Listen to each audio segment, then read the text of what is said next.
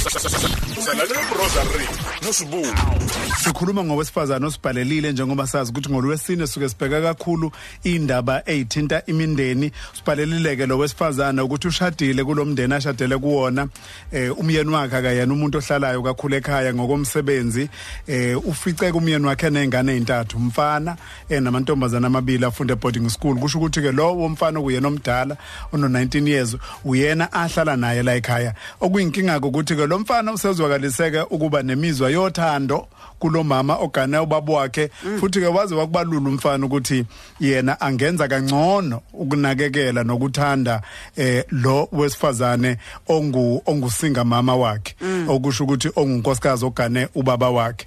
Eh unkosikazi ke lona okuyikona kokuyingqinamba kakhulu ukuthi amtshele kanjani umyeni wakhe ngoba kazi ukuthi uyophendula kanjani noma lolu daba uyolithatha kanjani umyeni wakhe.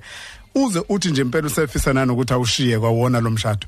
Ingakho kube sithe ukubalaleli bethu basithumelela ama voice notes bayophinda bakhulume nathi futhi ku 0893109193 siyophothula ke ngodokotela uThoko Mnguni oyi psychologist okuyena ke babheka izinto ezifana nalezi ngokwengqondo. Kanti kusimiso mbiko obuka emkhandlwini uthi yena mina mroza la cha lo mfana unehlazo udinga nje ukubekwa izandla.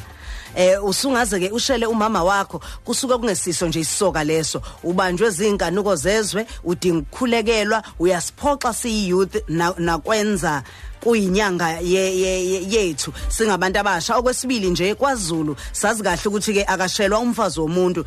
Nokwenza osethelwe ngenyo nokwenza osethelwe ngenyongo. Nabo omakoti abancane abake belule iziketi emzini. Uma umakoti ekwazi ukuhlakaniseka nengane yasekhaya mhlawumbe nje umfana uhehwa eh indlela agqoka ngayo lona. Lo makoti ke osemncane ethi mrozo wangempela ethi i am swoopthelezi eh wayeseshoke ethi ke #ndiza nathi. Akuvelanga ke kodwa lokho. Kodwa akuvelanga lapha. Akayishonga iketi ayigqokayo. Akashonga ukuthi ngigqoka into engakanani. Ukhala ngesimo sengane. And kufanele sibaxwayise ke futhi abalaleli bethu ukuthi ungakulethe ungazange kufakwe.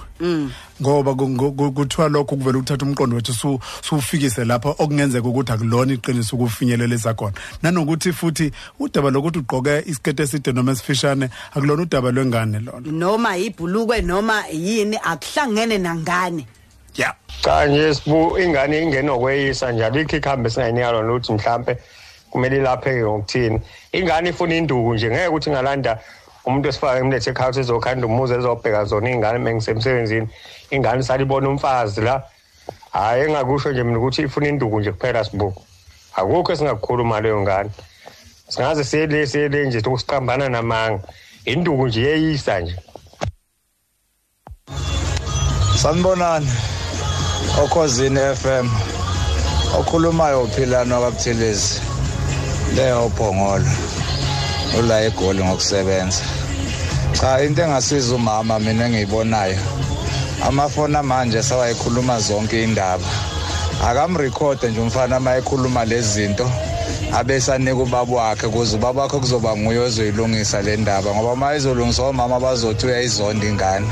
Ngcono azwise ubaba wengane ukuthi ingane ikhuluma ithini uma ngabe ngekho ubaba. Ubaba usezothatha isinqumo ukuthi ingane uyibuyisela kugogo or uyenze njani. Naba abalaleli bephawula. Sibone ukuthi ukhona senayo na sekubingelela. Kukhoza. Yebo sanibona njani? Hayi siyaphila. Sikhuluma nobani? Siyaphila uthalile dlamini show yebo sis. Yebo ngithi mina umama kungcono akavela amcele kubaba lo mntana because uyaganga angithi vele phela indaba isekuthenini enze njani ngoba uyasaba ukutshela ubaba umyeni wakhe? Ngoba kungathini mhlambe athi hayibo na umuntu ezosukela ingane yami ihlonipha kangaka lengane yangihlonipha uma ngila ekhaya ayikwazi nje ukuthi ngasho into enjalo. Okungcono akavela ayixoxe nje isingabi seqali sikhuluma arekhode bese vele imdlalela ubaba i-recording ongcono Mm. Okay na uhambe emazwini alomfowethu omunye. Ukhoze sawubona? Uzani nkosazana? Sikhona thina sikubingelela ngalesikhathi Siyaphila Ah usukela ubonakala nje umfana omncane. Eh usukela nje ubonakala Kwenziwe njani? Sesizwile ukuthi umfana nithi wonakele. Kwenziwe njani? Uyise kufuze amthatha kwamkhandela umuzi wakhe wakhe lapha eceleni amsusele. ezokwazi Akhelo ubani? Uyise lo ubaba wakhe qobo no amakheleleni akanazandla yena? Hayi unazo kodwa manje mayizokwazi ukufuna ukubonga la kwami akaphume ehambe ngawakhe lapha. Aphinde akhelwe um- uyise wakhe efuna ukumthathela umkakhe? Ukuze asheshe asuke eduze kwakhe. Hey. Eh wamlozi ya ukhuluma nonkani yakhe lapha papayi nkani yakhe ngikuzwa kahle eh unkani yakhe lapha ngile kohlobane papayi kulungile kanti kuncamzo uthi yazini wemroza mina iyodwa into engiyibonayo cha umama akabize ke imndeni yomthatho wakubo owasemzini kanye nowakubo womfana kanye nomyeni wakhe ababikela udaba lwakhe ilungiswe ingane yenze iphutha elikhulu impela hayibo emashengeni hayibo isimanga leso hayi ngeke bo. Eh eh ingane ingene usathane mroza nawe bhutisbu usathane ongene umfana. Awukwazi ukuthi ngithathe ubaba wakhe ngempela ngizophekela bona ngizogada bona. Ujikene usezobona intombi kumina? Hayi ngeke babazana ingeno yidimoni ingane. Eh eh eh eh ironge nje induku efuneka la incane kabi leyo ngane. Hayi bona. Sanibona nokhosini ngithi angibingelele mashenge ngiyaluzwa udaba enikhuluma ngalo kodwa hayi le ngane yonakele ingcolile kusho ukuthi indlela ekhuliswe ngayo kubo ukungamazi umuntu omdala ukuthi makhulunywa umuntu omdala kukhulunywa ngani. Okwesibili eze eqala nje inkulumo eyiphendula uma wayo kwayeze iphendula kwakade kwenze njani ephendula ingane izichaze konke lokho ekuchazile. Wayikupha ekulalela uyamuzwa ke lo mlaleli wethu esigcina ngaye? Ikhona into ayivezayo esike sa- sakhuluma ngayo ya ya kwaba yenye ezisa- ezisabisayo. Ukuthi enye izinto ongathola ukuthi un- unkosikazi lona uyayisaba ukutshela umyeni wakhe ngalolu daba ukuthi umyeni wakhe angasalithatha njengale ngale ngxenye yokugcina umlaleli wethu akhuluma ngayo. Ukuthi wena wawutheni? Yathini yona? Wathini? Nani kuphi? Wawugqokeni mhlawumbe eh yini eyenza ukuthi izicabange kanjalo? Mhlawumbe nga- ngaya nakulo mlaleli wethu ke wakhuluma ngendaba yokugqoka into ezimfishane ngoba eh, sinayo into ethi mhlawumbe ubaba naye futhi ngiyacabanga ukuthi unayo into ethi mhlawumbe ubaba wengane ngase anga- angamuzwa kahle. Kodwa ke njengoba abalaleli kade besha abanye bethi eh, mhlawumbe angayirecord inkulumo yabo. Ya. omunye umlaleli khona uveza udaba engicabanga ukuthi seluleke sibe sihle leso ukuthi imndeni yo- yonke uthe yomthathu. Ya uthe Okusho- kuhlangana imndeni yonke. umndeni walapha aganele khona umakoti umndeni wakubo kamakoti mhlawumbe nomndeni eh, wa- walaba abazala uma wa- wa- walomfana ya asiyekubona abalaleli ku-0893109193 so kuphinde sikhulume-ke nodokotela umnguni thatha uqala sibone ukuthi siyamthola yini manje kukhozi Hallo msakazi. uyaphila mfowethu Hayi saphila nathi. lungileke mfowethu sikhuluma nobani Uvuswa wanhleketho la ikithunya uphongolo. phawula-ke mfowethu Hayi mina ngiyasola umama lona. Khona abakwenzayo nalengane balala ngoba siyisaba nje. Ay- ayi- ayikho leyo. Akasibhalelanga kodwa thina lo siyayichitha leyo siyichitha nje leyo ngoba umama lo wesifazane encwadini yakhe ukucacisile ukuthi umangazwa isenzo sengane amazwi akhulunywe ingane kuyena yingakho ethathe lesi sinyathelo ukuthi eluleke ukuthi kumiswa kanjani. Uze uthi usefisa ngisho ukuhamba kulomshado Yikho ke ngichaza ke umsakazi ukuthi ukuthi ukuthi umsakazi ngenzeka ba- ba- baganga manje wa- wa- wa- wa- ethi yagcina manje akasafuna ukuthawula manje. Siyayichitha- siyayichitha le- Asana, siyayichitha ngoba Asichithe. omhlambe labo esingazi ukuthi bavelaphi kodwa u- akuveza encwadini uthi u- ize iphoqe ukuthi izolala egunjini likayise.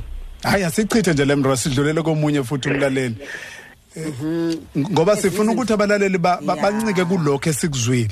Yeah. ngoba kuzosinikeza inkinga ukuletha esingakuzwanga ngoba singayithola siqamba amanga uyayizwa loo nto. Kanti incwadi isobala incwadi ithi nansi ingane iziphoqa ukuzolala ekamelweni likayise egunjini lokulala.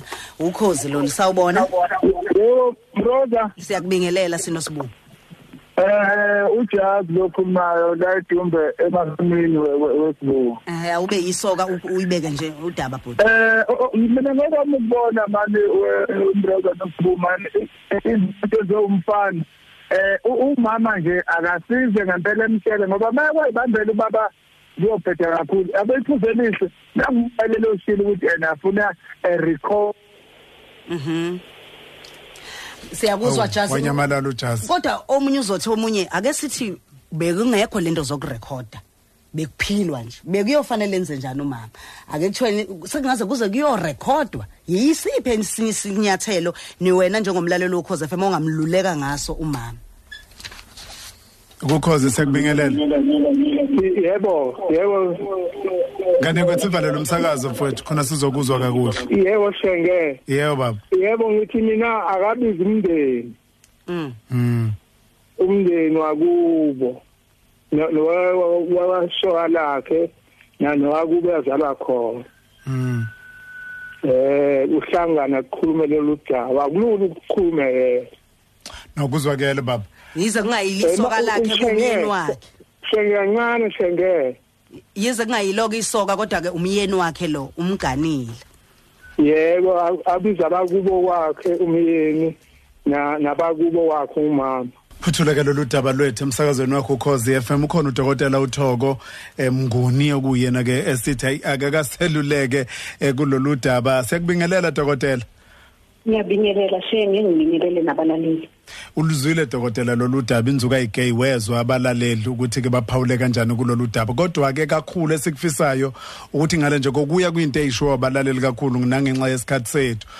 Um- umeluleka uthini lo wesifazane kuyena osiphalelile hey indaba yalo wesifazane iyaxaka kakhulu. Engingakusho nje ngithatha ngemfishane. Ukuthi kungangcono ukuthi noma ngabe ukuthi uyalethula lolu daba kumyeni wakhe kofanele aye kumuntu oyiprofessional. Ngoba uma ngibheka nje kukhona ukukhulu ukungaphili ngokomqondo kulomfana kufanele ebese kukhona okunye angakukhomba ukuthi ayi baba ngibona ngathi fanele simuse kudokotela wengqondo ngenxa yalezi izathu maye sefika le aqala ngamtsheli ubaba ngoba ngesinye isikhathi abantu bazozothuka mhlawumbe ubaba bese engafuni ukuthi ayikholwe leyo nto bese kuba yizwi likamama against izwi lomfana. Uma befika laphayana ngoba vele bayaya abazali bakhulume kuqala ukuthi ke bamletheleni umfana bese kuba ukuthi useyayethula la phambi kweprofessional noma ekhona kumfana ukuthi kahle kahle izathu yilezi yilezi yilezi ngicabanga ukuthi amacebo azophuma no psychologist lapho noma no professional abazobe eqondene nayo iyona ezobasiza ibase phambili ngoba eyemindeni yebo kodwa manje kuningi ukungafundiseki esisenako emphakathini. Ngibuka nje indlela yokuthi umuntu okusathiwa uvumelene sesibuyele emuva kuleya nto ye-rape kwakuthiwa unamanga umuntu wesifazane bebevumelene. So kahle kahle la kunganingi okungeke kube iqiniso uma ngabe ngavele nje kuhlale ngoba imindeni asikho ezingeni elifanayo ngokuphucuzeka nangendlela yokuthi sifunde kangakanani. Kusho ukuthi dokotela ngingaze ngayithanda lo mbono indlela oveze ngayo. Kusho ukuthi fanele ukuthi njengomzali ngaphela njengoba sele nale ngane umama wayo aye kubaba wakhe ukuthi khona into engayitholi kahle ngomfana. Ngiyacela ukuthi sihambe nawe simthathe umfana simuse ku psychologist uthi kabe sefika aluveze sekukhona lo muntu okuqeqeshelwe nozokwazi ukulalela lolu daba. Kunjalo nje sheni ikona uzoba ngcono kunokuthi abe semqonda ngoba umfana mayesephika uzoba sekuba enye manje into engaqondakali.